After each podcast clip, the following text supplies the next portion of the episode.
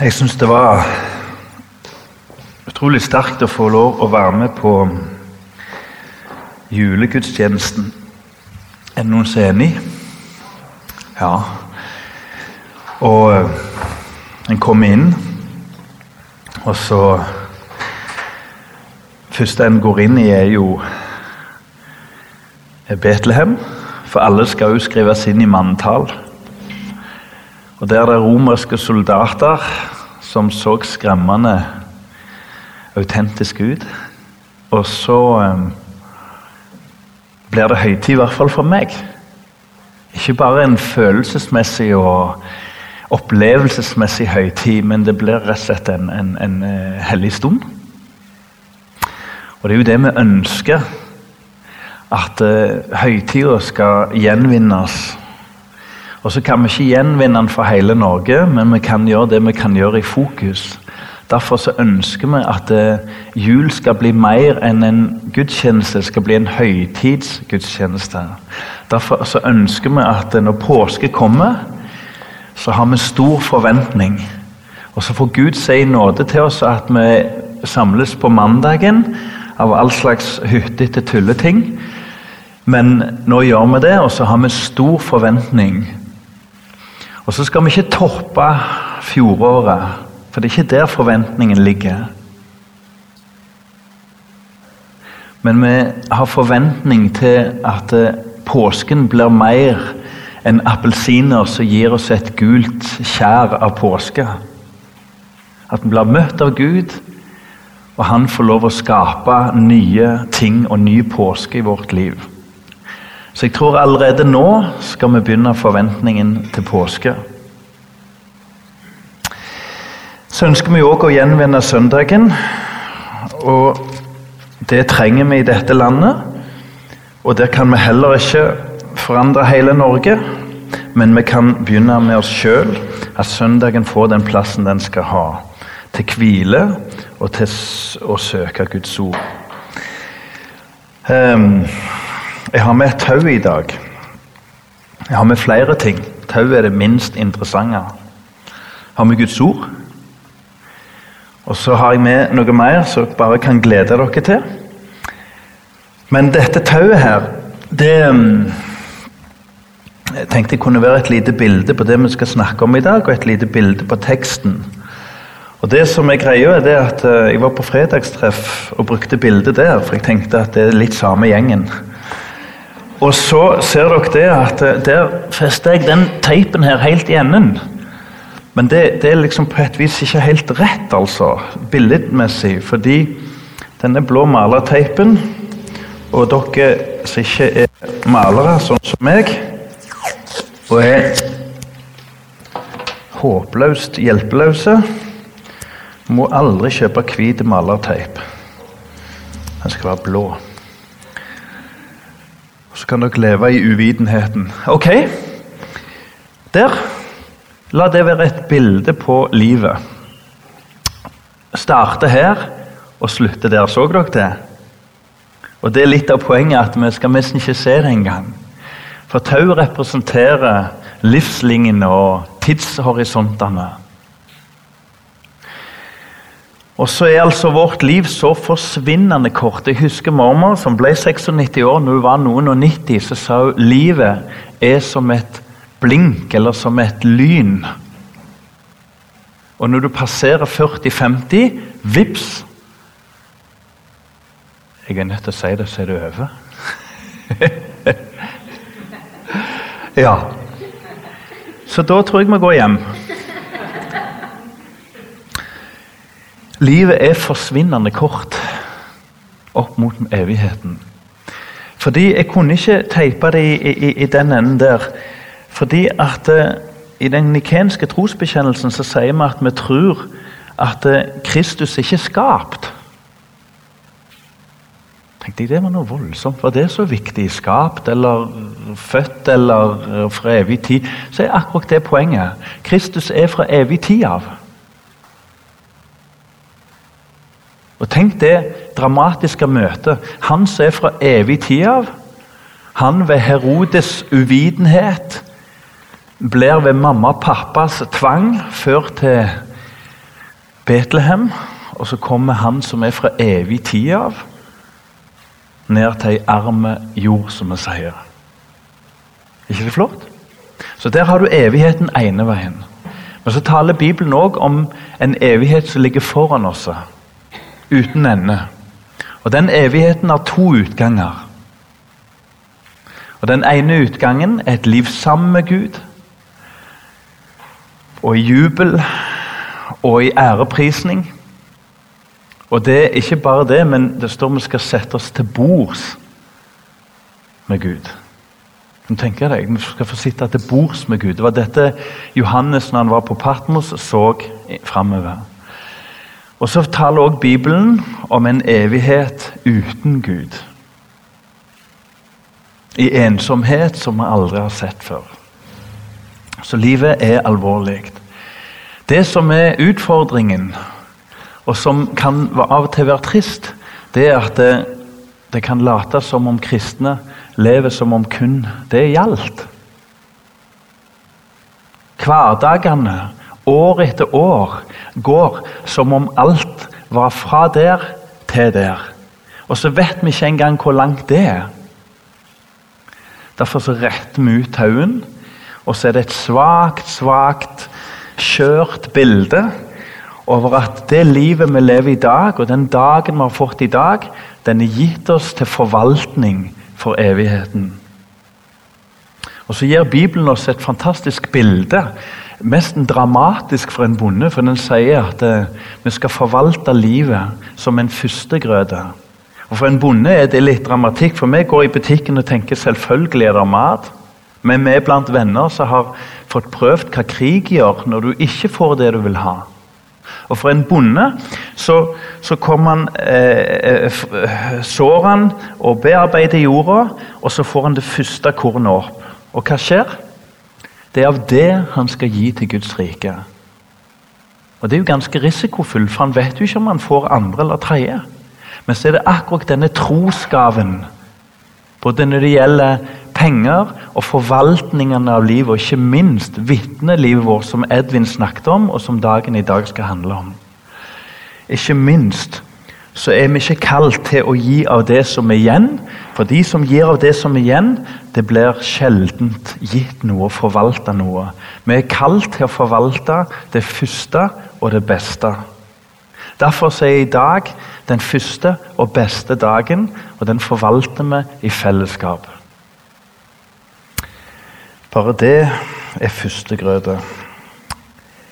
Og Derfor så blir spørsmålet altså hvordan forvalter vi livet vårt. Og Jeg har sagt mange ganger at jeg lengter tilbake til å få lov å være blant mennesker som ikke kjenner Gud. Eller som har rota seg vekk fra Gud. Eller som er tilsynelatende helt uinteressert eller direkte imot å få lov å være med. Og Før i tid heter det å be til frelse. Så kan du tenke at det var et gammeldags ord. Det er ditt problem. Og det er mitt problem. For det er jo ikke funnet opp noe nytt ord, for vi ber knapt til frelse lenger. Og jeg tenker at En sånn sal med så mye mennesker, så burde vi spørre oss er det sant at på dommens dag så skal vi ikke prøves på gavene, men vi skal prøves på fruktene. Er ikke det spennende? Vi skal ikke prøves på gavene, men vi skal prøves på fruktene. Og Som forsamling så bør jo også styret og alle sammen, vi som kjenner at vi hører hjemme her, vi bør spørre oss blir mennesker frelst her på Klepp. Og hvis mennesker blir frelst, så skal vi glede oss. Selv om det ikke er i fokus. Vi skal juble og glede oss, for vi snakker jo om en evighet. Ikke sant? La oss se bitte litt på teksten, fordi eh, etter hvert skal vi ha noe veldig spennende her. Men teksten vår i dag det er altså Paulus som er dratt opp fra Jerusalem. Han har jo fått et personlig møte med Gud, Jesus direkte. Det var jo Jesus som sa 'Hvorfor forfølger du meg?' Sant? Og så står eh, Paulus opp, lar seg døpe, og etter hvert så reiser han opp til en by som heter Antiokia, nord for Israel. Eh, det er 16 Antiokier på den tida, så det er ikke så lett å finne ut. og Etter hvert så drar han til en ny plass enn Antiokia. Velkommen i forvirringsklubben. Men denne Antiokia, det var sendemenigheten. Fokus må være en sendemenighet. Jeg har en drøm om at midt iblant oss så vokser det fram mennesker som vil dedikere hele livet sitt på en spesiell måte og reise ut til de som aldri har hørt Guds ord. For det var det Antiokia var kjent for. Paulus og Barnabas, og faktisk sammen med Johannes med tilnavnet Markus, de reiser på sin første lille misjonsreise. Noen, Jeg leste en, en plass en student som kalte han for ubetydelig. Kan du tenke deg? Hvordan går det an å komme fram til det? Ubetydelig. Ja. Men på denne misjonsreisen så starter egentlig alt i Antiokia.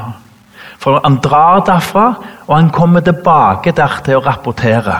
Og Dermed så holder han menigheten ansvarlige, og så vokser det et, et fellesskap, et misjonsfellesskap og en misjonsbevissthet opp på en helt spesiell måte i Antiokia. Rett og slett en mønstermenighet. Og Da er det tre ting som kjennetegner den byen av mange. Det ene er at det, eh, typisk for de som var i Antiokia, var at de brukte profetiske skrifter i undervisningen sin og vitnesbyrdet sitt. Når han kommer fram fra by til by, så rett og slett så taler, taler han ut ifra skriftene. Jeg er helt sikker på at Paulus òg brukte personlige erfaringer men han bygde det ikke på det. Jeg kjenner en som heter Christian Landro, som kommer og skal tale to ganger her i vår. Jeg har spurt han, for Han opplevde at ca. 50 stykker ble kristne eh, en stund i hans tjeneste. Og Så spurte jeg hva er det som kjennetegner de som ble bevart nå noen år etterpå. De som ville være med og lese fra Bibelen. De andre er borte. Og så kan vi tenke at det var alvorlig, men la oss snu på det og se for en kraftkilde som Bibelen er. Når mennesker blir selvstendiggjort til selv å søke de fire b-ene istedenfor 'så lenge jeg syns det er kjekt'. Så Paulus han brukte altså Bibelen i vitnesbyrdet sitt, og dette forarga jo spesielt jødene. En ting til, de var altså en sentral en type misjonssentral som sendte folk ut, og de oppsøkte sentrale plasser. I Norge i dag så må vi vinne Oslo. Det er jo der kulturene strømmer ut ifra akkurat nå. Det må vi bare forholde oss til. Og Vi må vinne kultursentrumene. Skal vi se Norge igjen ha ærefrykt for Gud. Vi må ikke gjemme oss vekk. Og Det står i Bibelen at eh, nei, vi, vi leser også at eh, 'komme ditt rike', leser vi. Og Derfor har jeg lyst til å si gå inn i politikken. Gå inn i situasjonene. Ta mulighetene. La oss ikke stå med hua i hånda og si vi kan ingenting gjøre, for, for om ikke Den hellige ånd vil, så kan vi ingenting gjøre. Og så er det sant, men så slår vi beina unna, misjonsbeina unna oss. Og så var det sant, men så var det ikke helt sant komme ditt rike. Og så hadde Gud tenkt det sånn at du og jeg skulle bære Guds rike på våre to bein. Så de oppsøkte nye steder, de brukte Guds ord. De oppsøkte nye steder, sentrale steder, og de begynte først i synagogene. For jøder først. For det var Paulus pålagt. For jøder først, og så for greker. Etter hvert kommer andre òg, men det er nå et bilde på oss. da. Og Det betyr noe at eh, om Aslak får være med og tjene i menigheten, men så ser vi at eh, heimene våre blir ignorert. Da ligger det intet mindre enn en forbannelse over oss. Da ligger det intet mindre enn en forbannelse over oss, ifølge Guds ord. Så òg vi må ha en misjonsstrategi. Først hjemme, og så ute. Og det ene skal ikke brukes mot det andre, for det gjorde ikke de første kristne. Og så en ting til. Har vi altså eh, eh, Paul, eller Paulus og Barnabas de eh, blir sendt ut. Og i den forbindelse er det en forbønnshandling. Det skal vi se på litt etterpå. De faster, og de ber for dem. Og Det vil egentlig si det som vi kaller for en indre og et ytre kall. Og Her må vi ikke sovne, altså. For dette er superviktig. Hvis du og jeg ønsker å leve et kraftfullt liv, så må vi få en bevissthet om det indre og det ytre kall. Paulus fikk et indre kall. Og det var rått og brutalt fra Guds side. Han slo han til bakken, han ydmyket han, men han reiste han òg opp. Og det var han og Gud og ingen imellom. Men så kan vi lese om i Antiokia at Den hellige ånd minner de om at det er noen bestemte som skal dra ut.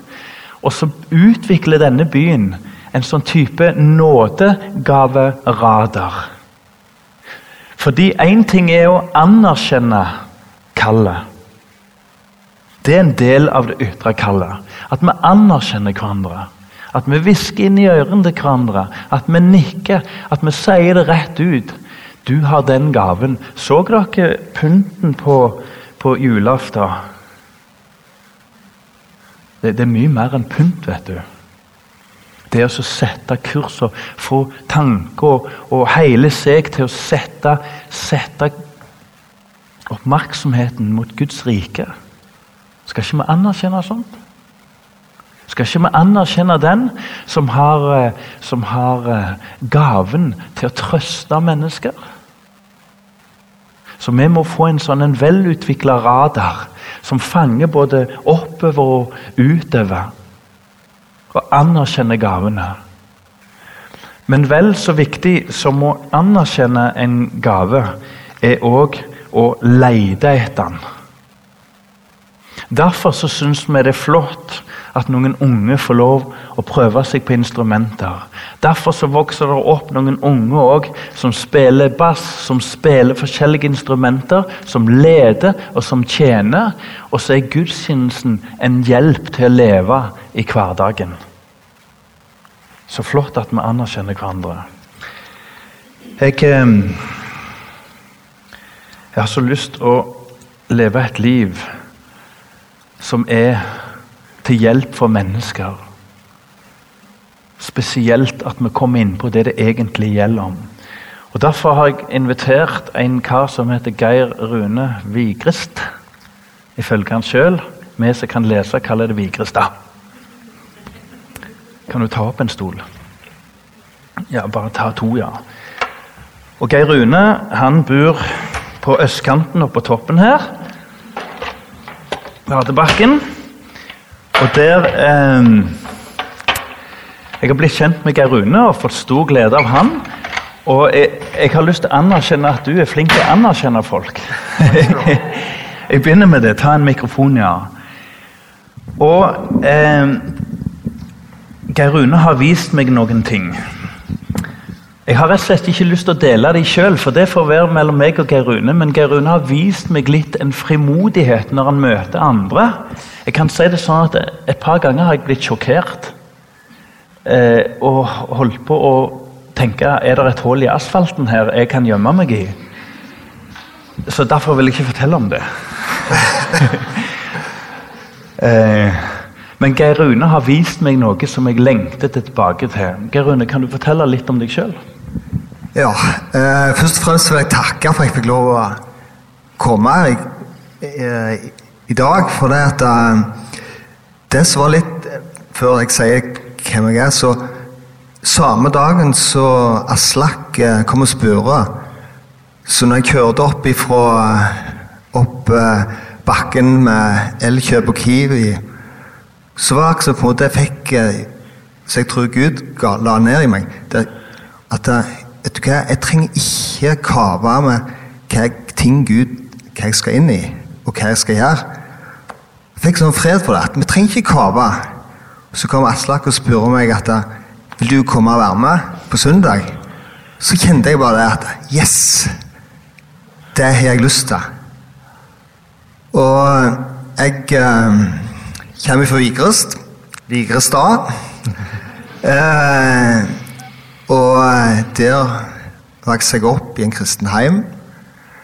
Og eh, der eh, Ja, jeg på en måte var ikke den som Det er litt av det som måte Altså Det som Aslak snakket om her, på en måte på en måte bli eh, anerkjent og komme inn i ting.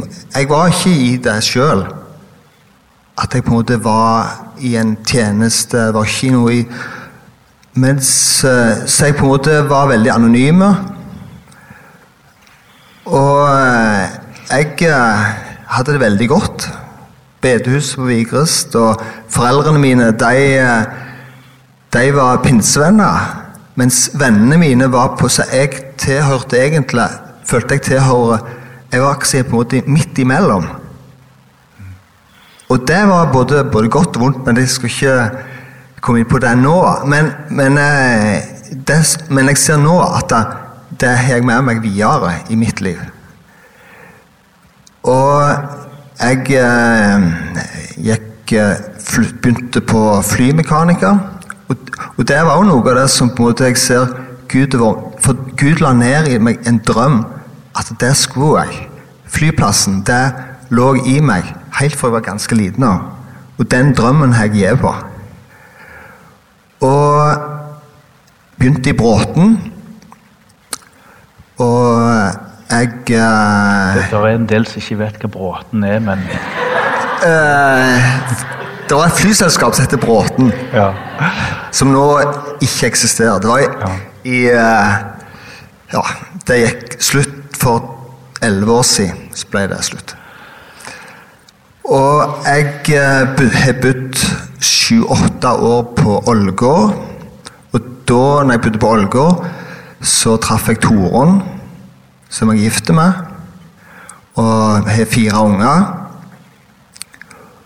Og så flytter vi til Klepp her i 2005-2006.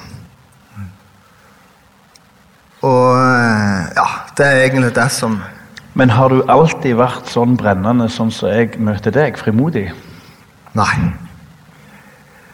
Og det er egentlig litt av Når du snakket om uh, Paulus uh, Han på en måte ble slått til bakken med et lyn. Sånn var det ikke meg. Uh, men egentlig så ser jeg at jeg tror at jeg tror Hvis du begynner å snakke med mange, så tror jeg det er litt av det som er vendepunktet for mange. At det, du, det må rett og slett komme noe, et, noe som ruster deg i livet. Og sånt ble det for meg. At uh, jeg uh, tok ikke et standpunkt sjøl. Hvor skal jeg leve på mor og far sin kristendom? Eller skal jeg på en måte ta og Hva betyr Jesus for meg? Og når jeg var rundt 20 år, så var jeg uh, var jeg sammen med ei jente. Og så ble jeg Ja, det gikk Og jeg på en måte tok ikke et skikkelig standpunkt sjøl. Jeg på en måte kjente at jeg ble reven fram og tilbake. Hva, hva vil jeg nå? Skal jeg gifte meg? Vi ble forlova. Men så var det akkurat som hun bare Nei, vet du hva? Nå må jeg ta tak i mitt liv. Jeg må begynne å ta Hva vil jeg med mitt liv? Og jeg gjorde det slutt, og det ble, det ble tøffe tak for meg. Det var akkurat sånn som, som Jeg følte meg som Paulus, som du snakker om. Jeg ble sleien til bakken og begynte å Så måtte jeg begynne med mitt liv. Jeg begynte å søke Gud skikkelig. Da begynte jeg virkelig å ta tak i livet. Jeg husker jeg reiste ned til sjøen etter jobb. Så gikk jeg ned og så gikk jeg langs med stranden så ba jeg. Jeg hørte mye på musikk og taler. Det bare, jeg måtte bare ha. Dette måtte jeg ha. Og jeg forsto ikke noen ting da, hva det var Gud gjorde med meg. Men Gud la ned noe i meg som jeg ser nå. Når jeg ser tilbake, så ser jeg Yes! Jeg fikk ingenting på en måte skrifter på veggen at sånn og sånn skal jeg gjøre, og sånt. Men Gud la ned noe i meg. Og det som òg uh, ja, vet ikke om noe annet du Nei, jeg tenker Du jobber altså, du har jo et Lever jo et arbeidsliv og familieliv og sånt. Og har du sett at du har fått blitt brukt av Gud? F.eks. på arbeid? Uh, ja, det var, det var egentlig før det med arbeidet, så så førte Gud Da flytta jeg òg til Ålgård. Så begynte jeg på alfakurs der. Og det, da på en måte jeg, jeg, jeg, jeg fikk en brann for det at jeg ønsker at andre skal få oppleve det jeg sjøl har opplevd. Eh, og da var det sånn at eh, når når jeg begynte på, på alfakurs, så, så, så, på måte når jeg merka det at jeg hadde faktisk noe å gi til andre rundt meg. Og det var noe faktisk som både ga meg at Yes, jeg har noe. Det, det er tilbake igjen med det med å anerkjenne. Hvor, for vi vet ikke Vi må på en måte si til hverandre Ja, du Kjempebra. Du har noe der. Og, og eh, når jeg eh, var ferdig med alfakurset, så lå det en brann på meg for de på jobben. For på jobben så var det sånn at det, var, var som en, en, eh, en, veldig mur mellom Enten så var du kristen, altså ikke-kristen, og så var det sånn en veldig diskusjon. Det bare sånn diskusjonskristendom. Sånn at de, de ikke-kristne skulle ta de kristne og sånt. Men så har Gud lagt ned i meg det at Vet du hva, nei, må bare ikke begynne å, å gå inn i den der fella der. Så, så, var det en som eh, En god venn av meg snakket jeg med at så ga han det til meg sa han at du, du har nød for deg på jobben. Men du kan ha alfa for, for uh, deg på jobben. Og det var helt et sjokk for meg. Det kan ikke jeg. Det klarer ikke jeg. Men så, så gjorde jeg Jeg gikk på den. Og det var noe av det Jeg ble så overraska av Gud, hva Gud kunne gjøre. For det da, når jeg det alene med altså, med ikke, Jeg inviterte de hjem til meg i huset, leiligheten på Ålgård. Det var vi skulle snakke om kristendom.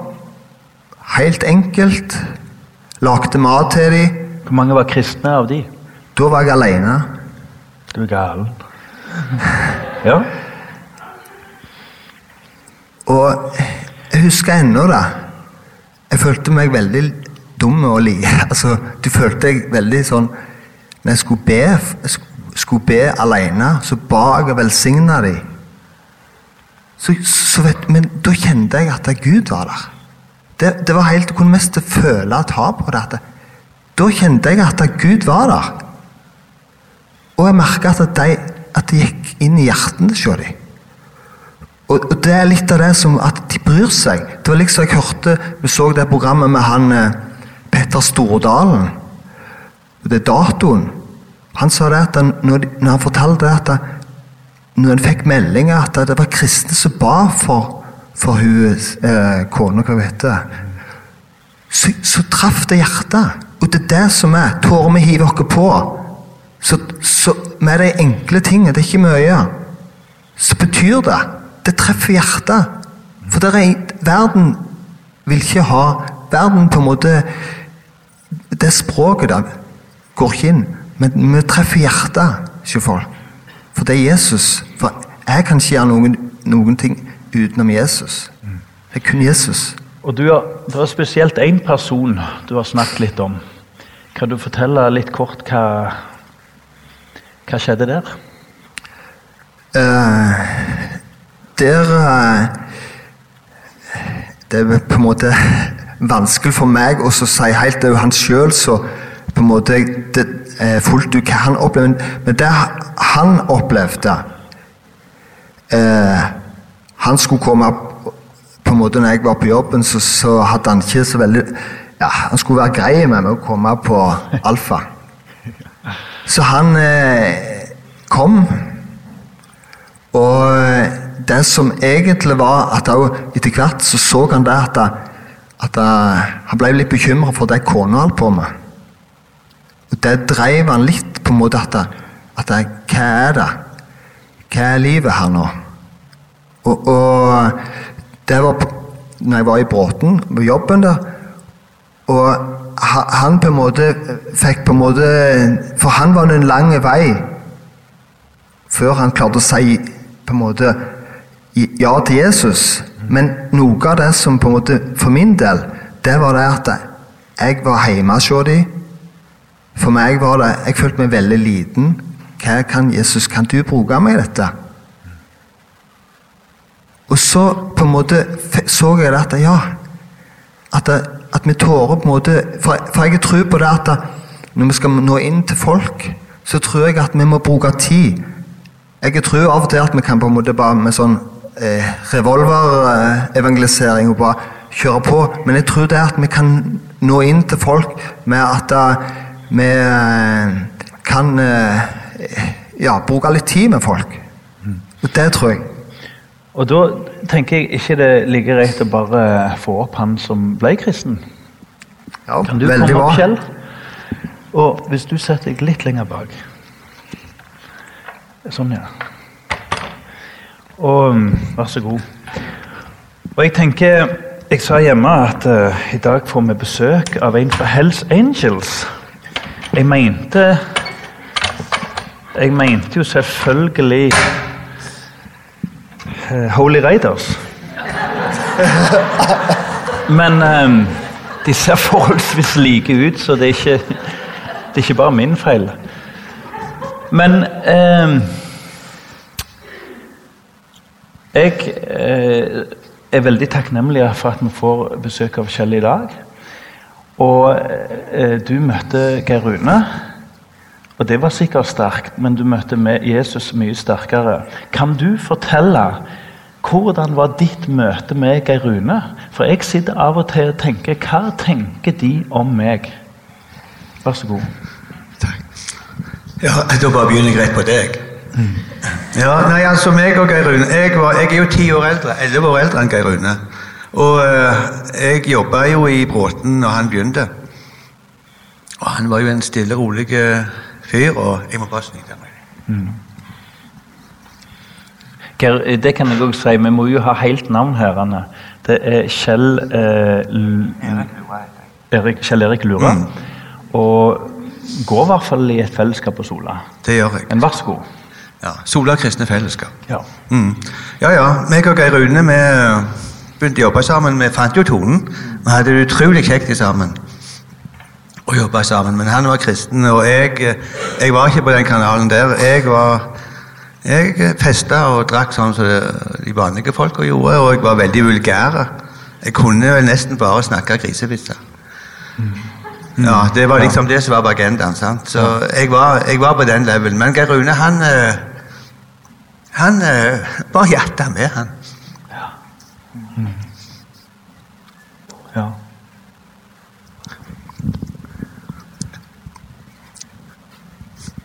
Jeg er bare blitt litt sånn Litt sånn allergisk ble jeg når jeg ble frelst. Og jeg tror jeg kan si det at eh, Geir Rune sier at Kjell og er også interessert i båt. Det er jo en kristen sak, det, da. Ja. være interessert i båt. Så sier han det Så spurte jeg er du mye ute. Tre timer. Jeg er blitt frelst, jeg har ikke tid til mer, sier han. Ja. Vær så god. Ja. Men iallfall, vi hadde jo mange diskusjoner, og jeg, eh, jeg har spotta Gud, ja. Jeg eh, var veldig hard med Geir Rune på mange ting, og gikk imot han. Og skulle alltid diskutere dette her. Men han Men vi var alltid venner. Det var aldri noe vondt imellom oss. Men jeg, jeg, eh, det, jeg syns synd på Geir Rune. Han var kristen. Jeg spurte hva Geir Rune skulle ut på i helgene. Han skulle på møte. Å, kjære deg, tenkte jeg. Mm. Er det liksom hele livet til Geir Rune? Så jeg syns rett og slett synd på han. Jeg hadde en mor som var kristen. Jeg kjempesnill, og de skulle ha basar og alt dette her greiene. Vet du hva? Jeg syns rett og slett synd på dem. For noe så kjedelig, det gadd ikke jeg være med på. Så jeg var jeg. Det. Så jeg var jo Jeg synes synd, For å være helt ærlig så syns jeg synd på de kristne. Men så eh, Så kommer vi jo til et punkt der at uh, Geir Rune skulle starte Alfa. Og så kom han jo til meg og lurte på om jeg skulle være med.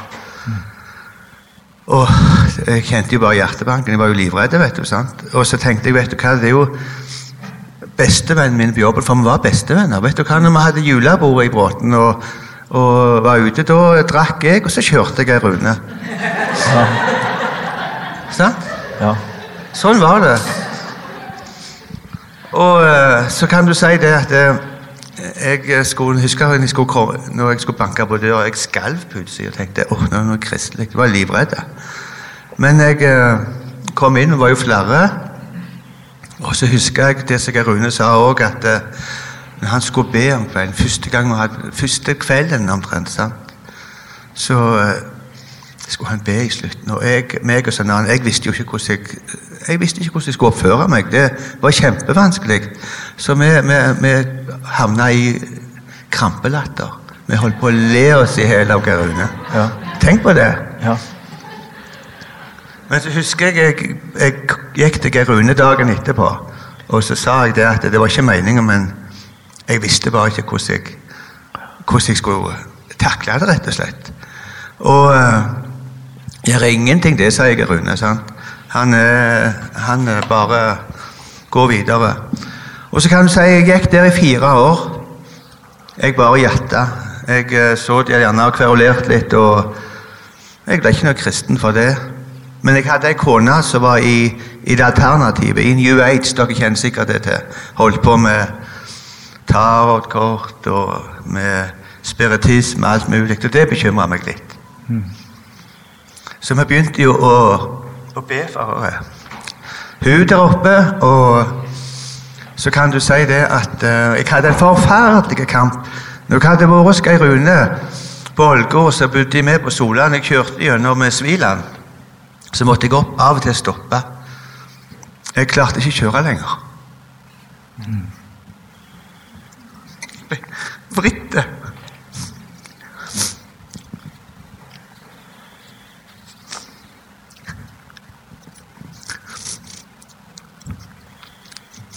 Det er bare allergien, folkens. Jeg, jeg, jeg, må bare ta, ta det. Ja.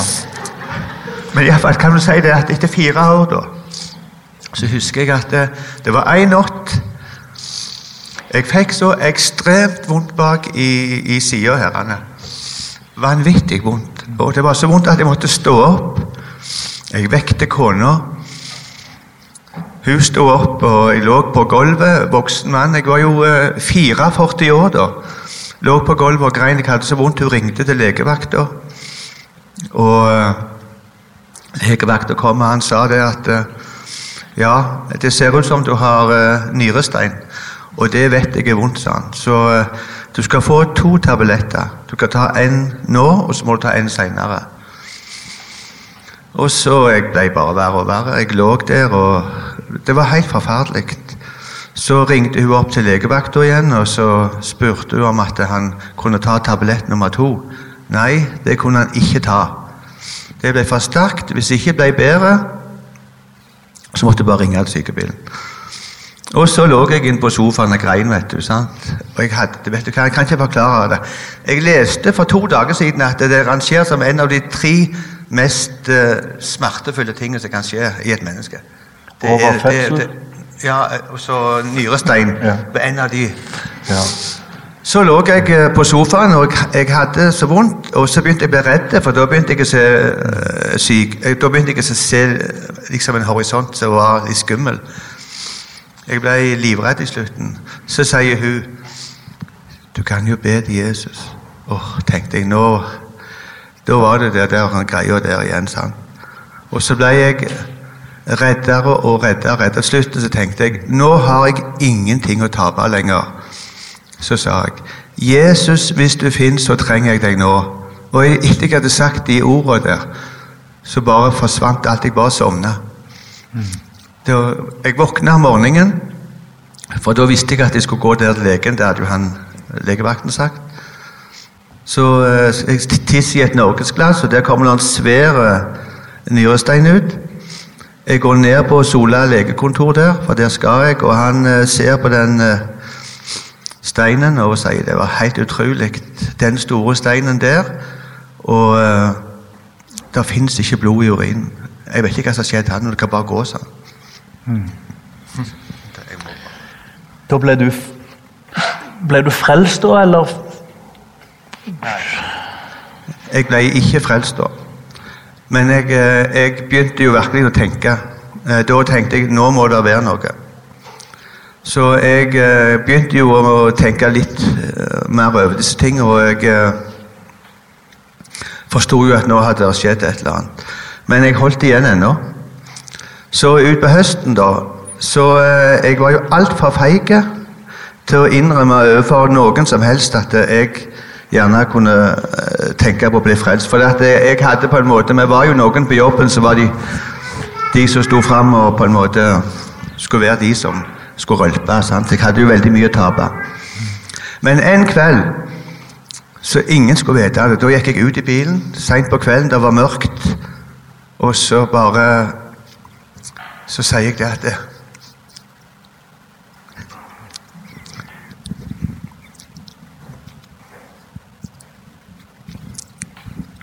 Jesus, hvis du fins, så vil jeg ha deg. Det var kun det jeg sa. Takk og lov. Jeg var jo livredd hva som kunne skje. Så fikk jeg bare én tanke i hodet. Nå kan du ikke lyve hvis noen spør om du er kristen. Jeg tørte nesten ikke gå på jobb, men Jeg gikk i tre uker på jobb. Jeg var like redd hver dag. For tenk hvis noen spurte om jeg var kristen. Vet du hva, Det var helt forferdelig. Mange de gjerne, de roper halleluja når de blir frelst. og Alt liksom løst og fri og alt bang. Jeg var helt motsatt. Jeg var livredd. Så husker jeg etter tre uker så står jeg i kantina oppe. Så er en av de som jeg jobber med, da, så da skal jo han ha sånn alfa. Og så står jeg der, vet du, så dunker han i meg, så sier han «Eh, Skal du opp på alfaen? Ja, sa jeg. Ja. Tror du på han der oppe? Og så kunne jeg ikke like, vet du. Ja, sa jeg. Vet du hva, jeg hadde, hadde kunnet, så hadde jeg bare falt rett gjennom gulvet. Det, det kosta meg så mye. Så jeg, jeg kan ikke sette ord på det. Men liksom, det var knalltøft. Men, eh, men da begynte jeg å på en måte å, og kjenne at da ville jeg eh, dette her. Geir Rune kom jo seg rett etterpå, og vi tok imot Jesus i stua, men da var jeg ikke så redd, for da hadde jeg allerede gjort det i bilen. Sant? Men eh, men iallfall kan du si eh, det kom allikevel en, en, en tvil i meg. Og etter tre måneder så hadde vi en fra Iran, en, en muslim som ble frelst. Og han begynte å, å snakke om bønn og disse tingene herrene. Og så kom det en sånn tvil i meg igjen. Det kom en sånn tvil, og så, så husker jeg at vi la oss. Jeg fikk ikke sove, og så, så sa jeg bare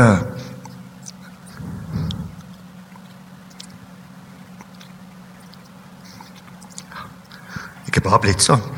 Beklager. Jesus, er det noe du vil vise meg? Og i det jeg sa de ordene, så kjente jeg at det både sjel og ånd jeg ble dratt ut av kroppen min. Jeg ble heist ut av meg sjøl. Og jeg hang under taket. Jeg kunne se de kvistene og alt det som på en måte Jeg så når jeg lå i senga. Så kjente jeg at jeg ble redd. Så sier, så, da, så sier jeg det at jeg prøvde å snu meg, for jeg ville se meg sjøl. Men så sier jeg at er det, er det noe du vil vise meg? Jeg, jeg kunne jo ikke strekke meg. Jeg var jo kjemperedd. Men iallfall Når jeg hadde sagt det at det bare går videre, så ble jeg tatt i en sånn en stor tunnel. Jeg vet ikke om dere har lest om det at du kommer liksom gjennom en tunnel. på en måte. Så jeg gikk gjennom en svær tunnel. Og når jeg kom gjennom den tunnelen, så så jeg eh, noen eh, svære marker. Og så husker jeg at eh, jeg ble tatt under den armen. Jeg ble tatt av den tunnelen, så ble jeg satt ned på den enga og det landskapet som var. Og der var det da en mann som kom og tok imot meg med liksom eh, kappe og sånn, sånn som vi liksom så før i tida. da. Og eh, ønsket meg velkommen.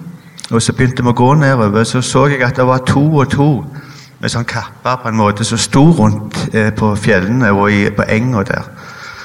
Og så, mens vi hadde gått, så var han forsvunnet. Og Så går jeg bort og så pikker de på ryggen, og så når de snur seg, så har de ingen ansikt. Så går jeg rundt eh, til neste par, på en måte, og ingen hadde, ingen hadde ansikt. Så tenkte jeg wow, jeg kom til fortapelsen. Så ble jeg kjemperedd. Jeg ble så redd, jeg kan ikke sette ord på Så ropte jeg på Jesus. Og uh, ingenting skjedde. Så ropte jeg på Jesus en gang til.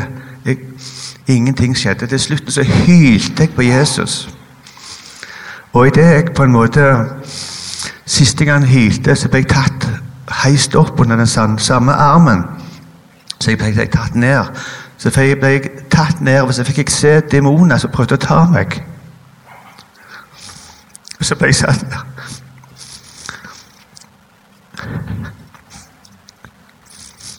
I senga. Og vet du hva? Jeg sov ikke resten av den natta. Jeg klarte ikke å lukke øynene. Jeg, jeg lå og grein.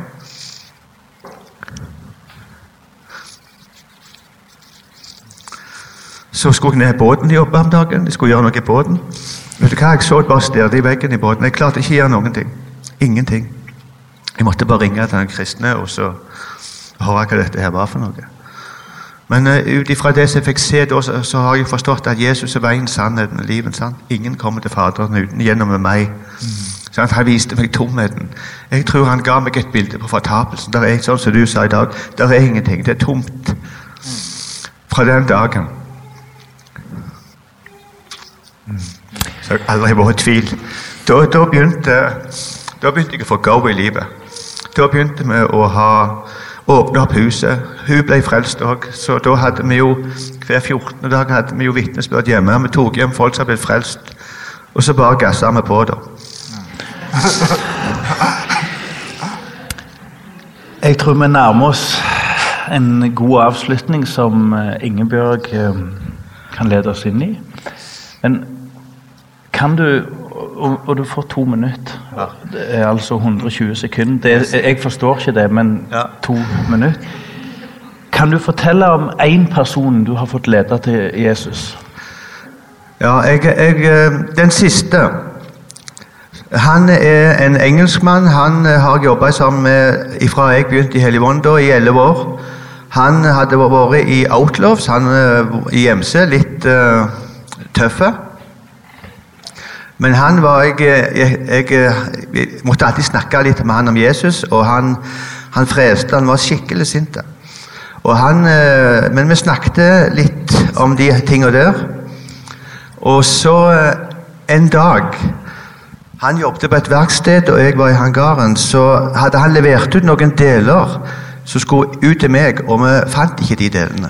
Og de delene var ekstremt dyre, og vi var fire-fem stykker som gikk og lette etter de, og vi fant de aldri. Så en dag så gikk jeg inn til han så sier jeg det at Eirian heter han. Hvis jeg, hvis jeg nå finner disse delene, vil du da tro på Jesus? Kommer, nei, han sa det. Jeg sier hvis jeg finner noe, hva skjer med deg da? Jo, da skulle han begynne å tro på Jesus. Så gikk jeg ut, og jeg satte meg på en, eh, på en benk der og så bare sa Jesus, nå har du sjansen. ja.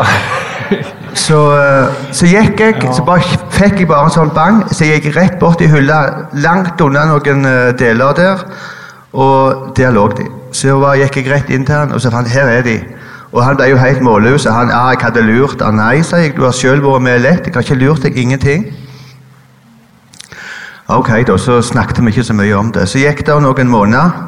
Gjerne tre-fire måneder. Og så sto han en morgen utfører og venta på meg sånn i 60 år. Så sier han Kjell, du er den første skal få lov å vite det. Jeg har tatt imot Jesus. Mm. Så, så, det forteller igjen folkens at vi vet ikke hva som bor i menneskene. Uansett, De kan virke så tøffe de vil, de kan virke alt mulig, men vet du hva? Vi må bare gå. Så jeg, jeg jobba med han altså i ti år. Rune holdt på med meg i 14 år. Så det hjelper, folkens. 14 fra du Fra jeg traff Geir Rune til jeg ble uh, frelst, gikk det 14 år. Ja. Hmm. Så, så, han har tatt, meg, har tatt, imot Jesus, har blitt veldig brennende, og han skal jeg ha meg med meg på motorsykkel og forkynne Jesus. Geir Rune, har du en liten kommentar til slutt? Ja, jeg tenkte bare Noe av det som måtte jeg På en måte for eh, Det som på en måte ligger på, på mitt hjerte òg, det er på en måte egentlig at det, vi alle her Samme hva vi på en måte Vi har en gave, alle i hop. Og, det som vi ikke vet, det er at de tingene vi sier, det har kan, Vi vet ikke når det har slår inn, og når det skal på en måte eh, virke inn i andres liv. For det er akkurat som måte, sånn så, på en måte her så er akkurat som Vi snakker om det ei blomstereng. Så er det noen som raker høyt opp. Aslak er en som er høyt oppe, som viser igjen. Men vi er forskjellige, og det er veldig bra. Og akkurat så, det er noen, Av og til må du gjerne ta vekk noe gress, så er det noen flotte blomster som ligger helt gjemt, som vi ikke ser. Og det tror jeg er viktig, at, at vi på en måte anerkjenner, får fram Du har en gave der, og vi kan alle Jeg hadde ikke tort sånn som det er at jeg sitter her nå. Det hadde ikke jeg tort pga. av menneskefrykten, men pga. Jesus. Han har sett meg i frihet. Og det er noe som måtte For jeg kan ikke gjøre noen ting uten pga. Jesus. Jeg er veldig takknemlig for det Jesus, og jeg blir ennå det som Kjell og de tingene jeg får ha gode folk rundt dere, så på en måte så kjenner jeg at det er ingen som kan ta ifra meg det Jesus har gjort i mitt liv. Jeg blir ennå, Det takker jeg for. Det er han som skal ha fokus, han skal ha ære for alt som skjer. Og det er noe av det at jeg føler meg på en måte veldig takknemlig for at jeg visste ikke hva Jesus skulle gjøre gjennom hans liv. Men du, du hvis ikke jeg hadde vært frimodig Så derfor så har jeg lyst til å oppmuntre alle. Gå på det som Gud har lagt ned på deg. Det er viktig. Amen. Amen. Ja, vi kan ikke kopiere denne historien, men Gud har en plan for hver av oss. Vær så god.